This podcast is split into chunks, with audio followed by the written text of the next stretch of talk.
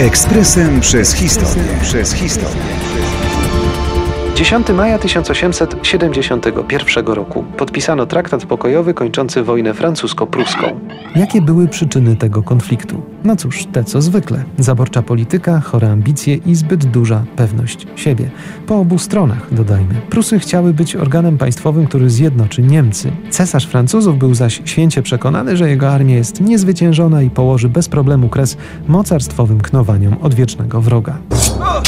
Pomylił się. Kiedy wojna się rozpoczęła, przestarzała pod względem wyposażenia armia francuska miała naprzeciwko siebie dobrze wyszkolonych żołnierzy niemieckich. Bezpośrednim pretekstem do wybuchu konfliktu była tak zwana depesza emska wysłana 13 lipca 1870 roku z Ems. Wysłał ją król Prus Wilhelm I do kanclerza Rzeszy Otto von Bismarcka. Zresztą Bismarck ją celowo później przeredagował, by jeszcze bardziej rozwścieczyć francuskiego cesarza. Wojnę sromotnie przegrali Francuzi, a decydującą bitwą było starcie pod Sedanem. Skutki dla Francji były ogromnie niekorzystne.